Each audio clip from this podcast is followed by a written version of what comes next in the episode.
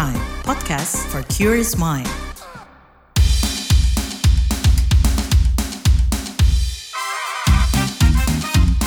What's Trending KBR Pagi, siaran pagi radio paling update.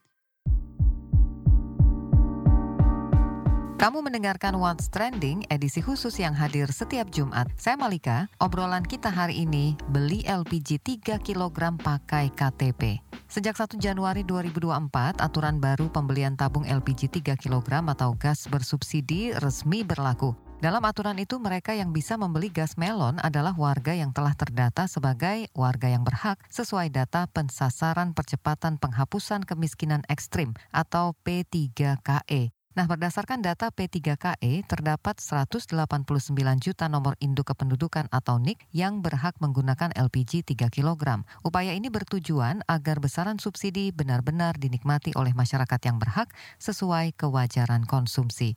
Untuk mengetahui apakah Anda termasuk yang berhak atau tidak, Anda bisa memeriksakan statusnya dengan menunjukkan KTP di sub penyalur atau pangkalan resmi. Lalu bagaimana kalau belum terdata?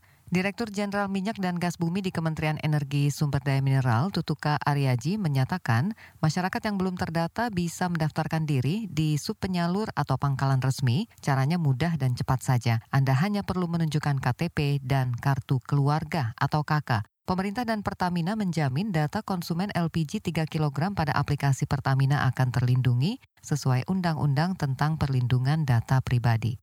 Sepekan berjalan, aturan ini menuai kritik. Selengkapnya kita bahas bareng News Editor KBR Wahyu Setiawan usai jeda.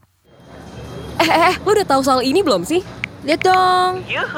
Oh, ini mah gue udah tahu. Seru banget, sumpah. Hah? Apaan tuh? Ini loh yang lagi viral itu. Hah? Gimana gimana? Daripada FOMO, mending lu dengerin deh podcast Homo Sapiens. Hah? Setiap hari Jumat hanya di kbrprime.id dan platform mendengarkan podcast lainnya. No more fear of missing out tips. KBR Prime, podcast for curious mind. What's Trending KBR Pagi, siaran pagi radio paling update. Balik lagi di What's Trending edisi khusus setiap Jumat. Topik kita kali ini, beli LPG 3 kg pakai KTP. Selama bertahun-tahun penyaluran gas LPG bersubsidi ukuran 3 kg kerap bermasalah, mulai dari penyaluran yang tidak tepat sasaran hingga distribusi yang tidak merata. Sesuai aturan yang baru keluar awal Januari kemarin, mereka yang berhak menggunakan gas melon adalah rumah tangga sasaran, usaha mikro sasaran, nelayan sasaran, dan petani sasaran. Saya sudah bersama dengan Wahyu Setiawan. Wahyu, apakah pengaturan gas melon ini bisa mencapai tujuan menekan penyalahgunaannya di lapangan? Ya soal itu, jadi pengamat kebijakan publik Trubus Radiansyah itu menganggap pembatasan LPG 3 kg memang diperlukan ya buat mencegah penyalahgunaan. Nah Trubus khawatir kalau nggak ada pembatasan, ini masyarakat miskin yang semestinya berhak mendapatkan LPG subsidi itu akan dirugikan. Nah karena semua orang akan bisa mudah mengaksesnya ya, bahkan masyarakat kalangan ekonomi atas sekalipun. Hmm. Nah kalau LPG 3 kg nggak tepat sasaran ya otomatis bisa bikin anggaran subsidi jebol ya di APBN. Mm-hmm. Apalagi pengawasnya selama ini juga dinilai cukup lemah terhadap pembelian gas melon itu. Faktor pengawasannya yang sangat lemah dari Pertamina sendiri maupun dari daerah juga. Pertamina itu berkolaborasi dengan pemerintah daerah. Itu melibatkan pemerintah daerah itu melakukan pengawasan kolaborasi itu melakukan pengawasan bersama mbak. dengan tentu juga dilibatkan dari itu unsur unsur APH aparat penegak hukum kan polisian.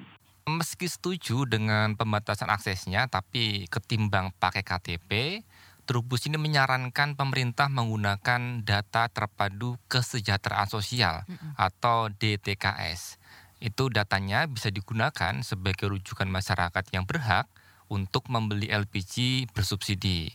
Nah penggunaan data itu kata dia lebih mudah sih ya diawasi ketimbang menggunakan KTP aja. Mm -mm. Oke, jadi Wahyu ada nggak sih dampak yang mungkin timbul dari belait baru ini ya? Karena tadi kan di atas e, disampaikan lebih bagus pakai DTKS ya ketimbang pakai yang e, pensasaran pensasaran tadi ya P3KE gitu ya? Ya, uh, memang ada dampak lain ya yang juga perlu diperhatikan. Kalau menurut Direktur Lembaga Riset Ekonomi dan Kebijakan Publik Selios, Bima Yudhistira, Eh, dia mengatakan perubahan subsidi LPG 3 kg dari sistem terbuka menjadi pembatasan atau semi tertutup itu berpotensi memengaruhi daya beli nih. Hmm. Nah, Bima menilai setiap ada pembatasan ya yang terjadi ya masyarakat kelas menengah rentan akan ikut terdampak ya.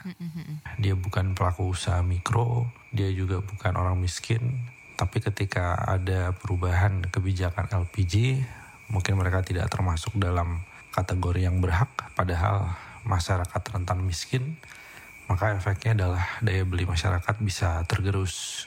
Dan ini akan bisa menyumbang tingkat inflasi karena harus bergeser ke LPG non subsidi yang harganya jauh lebih mahal. Enggak hanya itu, Bima juga memberi catatan agar pemerintah memperhatikan nih soal kemudahan untuk mendaftar jika menggunakan aplikasi misalkan ya. Ya. Sebab kata dia eh, hanya satu persen orang miskin aja nih yang memanfaatkan internet. Hal ini menurutnya menunjukkan masih banyak sekali masyarakat miskin, terutama di pedesaan ya, daerah terluar khususnya di daerah-daerah pulau-pulau yang masih sulit nih mengakses internet. Dan jangan sampai kebijakan ini justru menjadi kendala mereka dalam mendaftarkan diri nih di aplikasi yang dimiliki Pertamina. Lalu masalah berikutnya adalah terkait pencocokan data. Nah, menurut Bima, setiap bentuk subsidi yang efektif itu harus ada pencocokan data antara penerima subsidi LPG dengan data terpadu kesejahteraan sosial yang tadi sempat disebutkan di sebelumnya ya. Karena selain pencocokan, data juga sifatnya sangat dinamis ya. Per hari pun bisa aja berubah. Sementara itu ada juga nih yang malah meragukan cara penggunaan KTP itu buat menekan penggunaan subsidi LPG 3 kg. Keraguan itu diungkap oleh pengamat energi dari Universitas Gajah Mada, Fahmi Radi kepada KBR. saya tidak yakin instrumen KTP itu bisa membatasi atau mengurangi kuota tadi ya. Bahkan berdasarkan data tahun 2023, kemungkinan membengkak itu semakin tinggi. Sudah beberapa kali misalnya itu ya, permintaan LPG 3 kilo itu meningkat sangat drastis. Sementara permintaan LPG yang non subsidi yang 12 kilo itu kan semakin menurun itu ya. Nah terus data tadi saudara menunjukkan bahwa terjadinya migrasi. Jadi konsumen yang biasa menggunakan 12 kilo dia pindah ke 3 kilo karena tidak ada pembatasan apa pun kecuali KTP tadi kan. Nah kalau ini terjadi terus menerus maka permintaan 3 kilo akan meningkat pesat. Sementara supply-nya kan tetap dibatasi gitu ya. Maka apa yang terjadi? Harga gas 3 kilo akan naik menjadi mahal. Dan ini terjadi berulang kali. Nah kalau harga 3 kilo naik, maka siapa yang paling berkorban itu? Ya orang miskin yang mestinya berhak memperoleh subsidi tadi. Ini kan tidak adil sama sekali gitu ya. Dia tidak memperoleh subsidi tapi masih justru menanggung beban kenaikan harga ini kan ironis gitu. Jadi ini ada beberapa suara yang ragu ya. Kalau eh, cara membeli gas melon pakai KTP ini bakal efektif di lapangan dan sampai pada goalsnya gitu tadi ya supaya tidak ada kebocoran gitu ya eh, tidak ada lagi penyalahgunaan. Nah sekarang pertanyaannya adalah gimana menegakkan aturan itu di lapangan ya. Tadi kan ada kendala soal akses internet dan sebagainya. Nah kita juga pengen tahu sebetulnya ada sanksi nggak sih kalau melanggar begitu ya. Kita akan bahas ini usai jeda. Lu nyari apa sih? Sibuk amat dari tadi. Duit gue nih hilang, padahal udah dimasukin dompet. Ada tuyul kali ya? Hus, jangan asal lo ya. Eh, bukannya tadi lo jajan kopi, ikut PO seblak, sama nitip gorengan ya? Hah? Masa? Kok bisa nggak sadar ya? Bocor alus tuh, lo kudu disiplin keuangan makanya. Dengerin deh Uang Bicara, podcast dari KBR Pram yang ngebahas soal ekonomi dan literasi keuangan. Cocok banget buat anak muda kayak kita. Sama nih kayak dengan self reward. Oke. Lo dengerin di mana? Di kbrprime.id. Oke deh, gue dengerin. Tapi jajan kopi sore ini gue pinjam lo dulu ya. Astaga. Uang Bicara, menavigasi kamu supaya tetap cuan dari KBR Prime.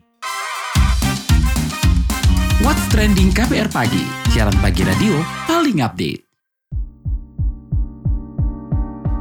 Balik lagi di What's Trending edisi khusus setiap Jumat. Topik kita kali ini beli LPG 3 kg pakai KTP.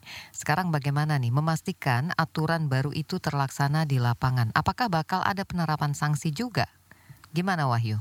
Soal sanksi ya, Pertamina sih mengklaim bakal menindak tegas ya dengan menutup pangkalan dan agen yang tidak menjalankan aturan tersebut. Mm-mm. Direktur Logistik dan Infrastruktur Pertamina, Alfian Nasution mengatakan dengan skema baru itu penyaluran LPG 3 kg terdeteksi secara digital. Mm-mm. Maka akan diketahui nih jika ada pelanggaran oleh pihak pangkalan atau agen.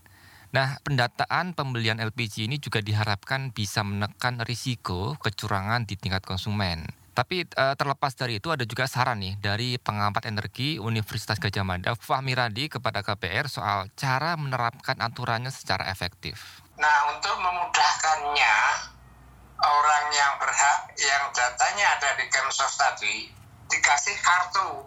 Nah, kartu tadi, misalnya dikasih barcode gitu ya. Nah, setiap kali pembelian di mana pun, apakah di agen, di depo, bahkan sampai di warung kecil, itu gunakan kartu menggunakan barcode tadi, itu tinggal di scan gitu ya. Nah, dari scan itu, mengetahui bahwa memang dia berhak sebulan sudah empat, misalnya empat tabung, em, dari barcode sudah diketahui juga dia sudah sebulan ini sudah dua tabung misalnya, sehingga tinggal dua, dua tabung yang dibatasi. Itu dengan amat mudah gitu ya. Teknologinya hanya teknologi barcode gitu ya dan saya yakin Pertamina bisa melakukan itu Aturannya kan udah diterapkan awal tahun, artinya di, di lapangan ini sudah diimplementasikan ya, udah sekitar dua pekan. Ini mestinya udah bisa dilihat loh bagaimana ya, apakah implementasinya berjalan dengan baik sejauh ini gitu. Dari pantauan redaksi seperti apa Wahyu? Eh, sebelum ke situ sih kalau saya melihat di sekitar rumah saya juga belum ada ya.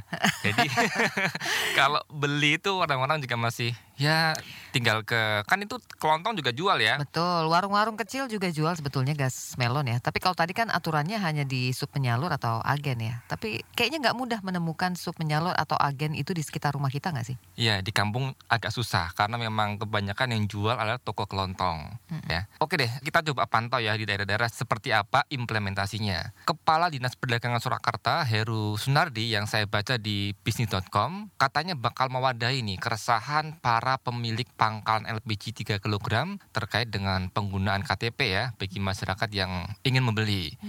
Dia juga bilang mau memfasilitasi pertemuan antara pangkalan agen yang tergabung dalam Himpunan Wira Swasta Nasional Minyak dan Gas Bumi atau Hiswana Migas serta Pertamina.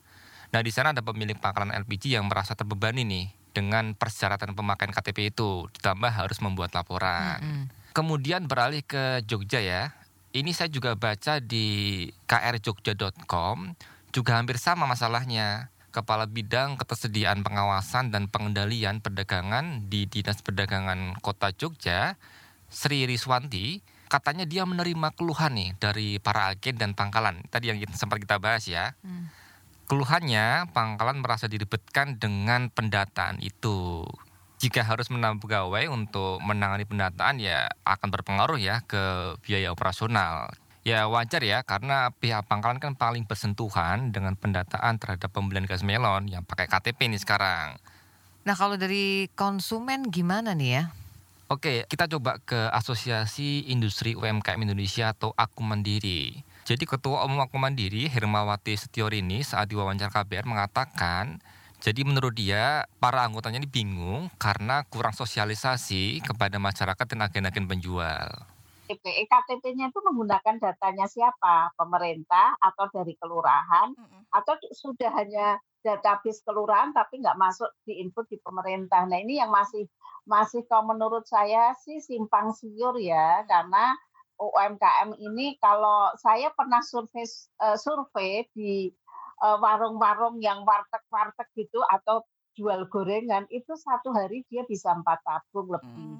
Nah hanya, nah makanya batasannya gimana seluruh Indonesia loh gitu loh. Nah kalau dasarnya ektp satu orang hanya bisa beli satu ya susah gitu loh. Menurut saya itu itu itu kalau di masyarakat hanya saja jika diberlakukan selama database data datanya itu benar. Oh ya uh, EKTP ini UMKM uh, dia penjual warung nasi gitu kan. Nah dia membutuhkan pemerintah udah harus punya data dia dalam satu hari dapat berapa. Terus ada nggak plus minusnya kotanya? Karena kalau kadang uh, omsetnya gede pas hari itu, misalnya kayak puasa gitu kan. Nah mereka berarti biasanya ada nggak penambahan tabungnya? Nah itu harus dikaji ulang, harus dipikir matang. Hmm. Yang agennya saja itu untuk kan mereka juga bingung mbak, hmm. mereka mau beli tiga gitu kan. Terus KTP-nya kebanyakan UMKM bisa juga KTP-nya misalnya di Tegal tapi dia e, merantau di Jakarta, gitu kan? Nah itu kan juga sangat susah gitu loh. Kalau di lapangan sih kayaknya satu sosialisasi kurang. Seandainya mereka paham, bukan bukan konsumennya ya, tapi orang yang menjual atau mendistribusikan, mereka juga nggak nggak bisa melaksanakan itu. Iya. Sebenarnya Indonesia mampu memberikan harga yang murah kepada masyarakat Indonesia uh, untuk LPG selama memang ya itu pos-posnya terlalu besar sih kalau di Indonesia. Iya. Salah satu untuk menjadi benar data itu harus benar dulu. Baru nanti kebijakan. Nah, kalau sudah kebijakan berarti implementasi. Nah, setelah implementasi harus ada pengawasan. Kalau itu nggak ada ya sama aja amburadul. Setali Tiga Uang, Yayasan Lembaga Konsumen Indonesia atau YLKI, menilai aturan pemberlakuan wajib KTP untuk pembelian LPG 3 kg itu masih minim literasi ya di masyarakat. Hmm. Pengurus harian YLKI Agus Suyatno kepada KBR mengatakan kurangnya sosialisasi membuat minat masyarakat untuk mendaftar itu masih sangat minim sekali sekarang. Ya, uh, yang pertama sebetulnya uh, literasi masyarakat yang perlu dibangun oleh uh, pemerintah. Jadi dalam hal ini Eh, pemerintah harus eh, dapat meyakinkan pada masyarakat bahwa eh, LPG 3 kg itu merupakan bentuk LPG yang bersubsidi sehingga hanya kelompok tertentu yang itu berhak mendapatkan. Dengan demikian perlu mekanisme penyaluran yang tepat. Nah, mekanisme penyaluran yang tepat itu adalah penyaluran dalam bentuk tertutup dan penggunaan KTP itu merupakan salah satu upaya penyaluran dalam bentuk tertutup. Nah, ini yang perlu disampaikan kepada publik, kepada masyarakat. Jadi literasi ini yang harus dibangun oleh pemerintah. Hmm. Itu pertama. Hmm. Kemudian yang kedua, pemerintah juga perlu memiliki mekanisme untuk mengevaluasi. Hmm. Jadi ketika pertama kali digulirkan, itu harusnya pemerintah juga melakukan evaluasi setiap uh, satu bulan ataupun dua bulan. Hmm. Apakah uh, masyarakat sudah uh, dapat uh, mengakses tersebut atau masyarakat sudah seberapa besar masyarakat sudah mau mendaftar? Ini perlu dievaluasi sehingga jangan sampai pada hari hanya akan dilaksanakan itu belum tercover keseluruhan. Hmm. Nah ini yang tidak dilakukan oleh pemerintah dia lantas menyarankan kebijakan aturan wajib KTP untuk membeli itu ditunda dulu nih hmm. sampai betul-betul sosialisasinya merata. Hal ini untuk menghindari kebingungan antara masyarakat selaku konsumen dan distributor. Menurutnya kebijakan ini akan berhasil dilaksanakan jika pendataan lebih terstruktur di lapangan. Kalau dalam melakukan evaluasi dan sosialisasi belum dilakukan dengan baik, eh, ada baiknya pelaksanaan ini untuk ditunda. Karena apa? Eh, ini justru akan membuat kebingungan di masyarakat, bahkan bisa terjadi chaos antara distributor atau pedagang dengan konsumen, dengan masyarakat. Jadi ini yang perlu dilihat lebih jauh di lapangan. Jadi sebelum ada pendataan yang baik, kemudian terstruktur dengan benar, ini eh, sebaiknya memang penggunaan KTP untuk pembelian gas LPG 3 kg dievaluasi atau bahkan ditunda. Oke, jadi memang sejauh ini kita lihat masih ada beberapa problem ya untuk menerapkan aturan baru ini mulai dari pendataan, kemudian sosialisasi yang sepertinya belum merata gitu sehingga mereka yang ada di garda paling depan ya, agen, penyalur ini juga masih mengalami kebingungan. Toko kelontong juga. Toko kelontong apakah dilibatkan? Kita belum tahu. Apakah bisa daftar di situ?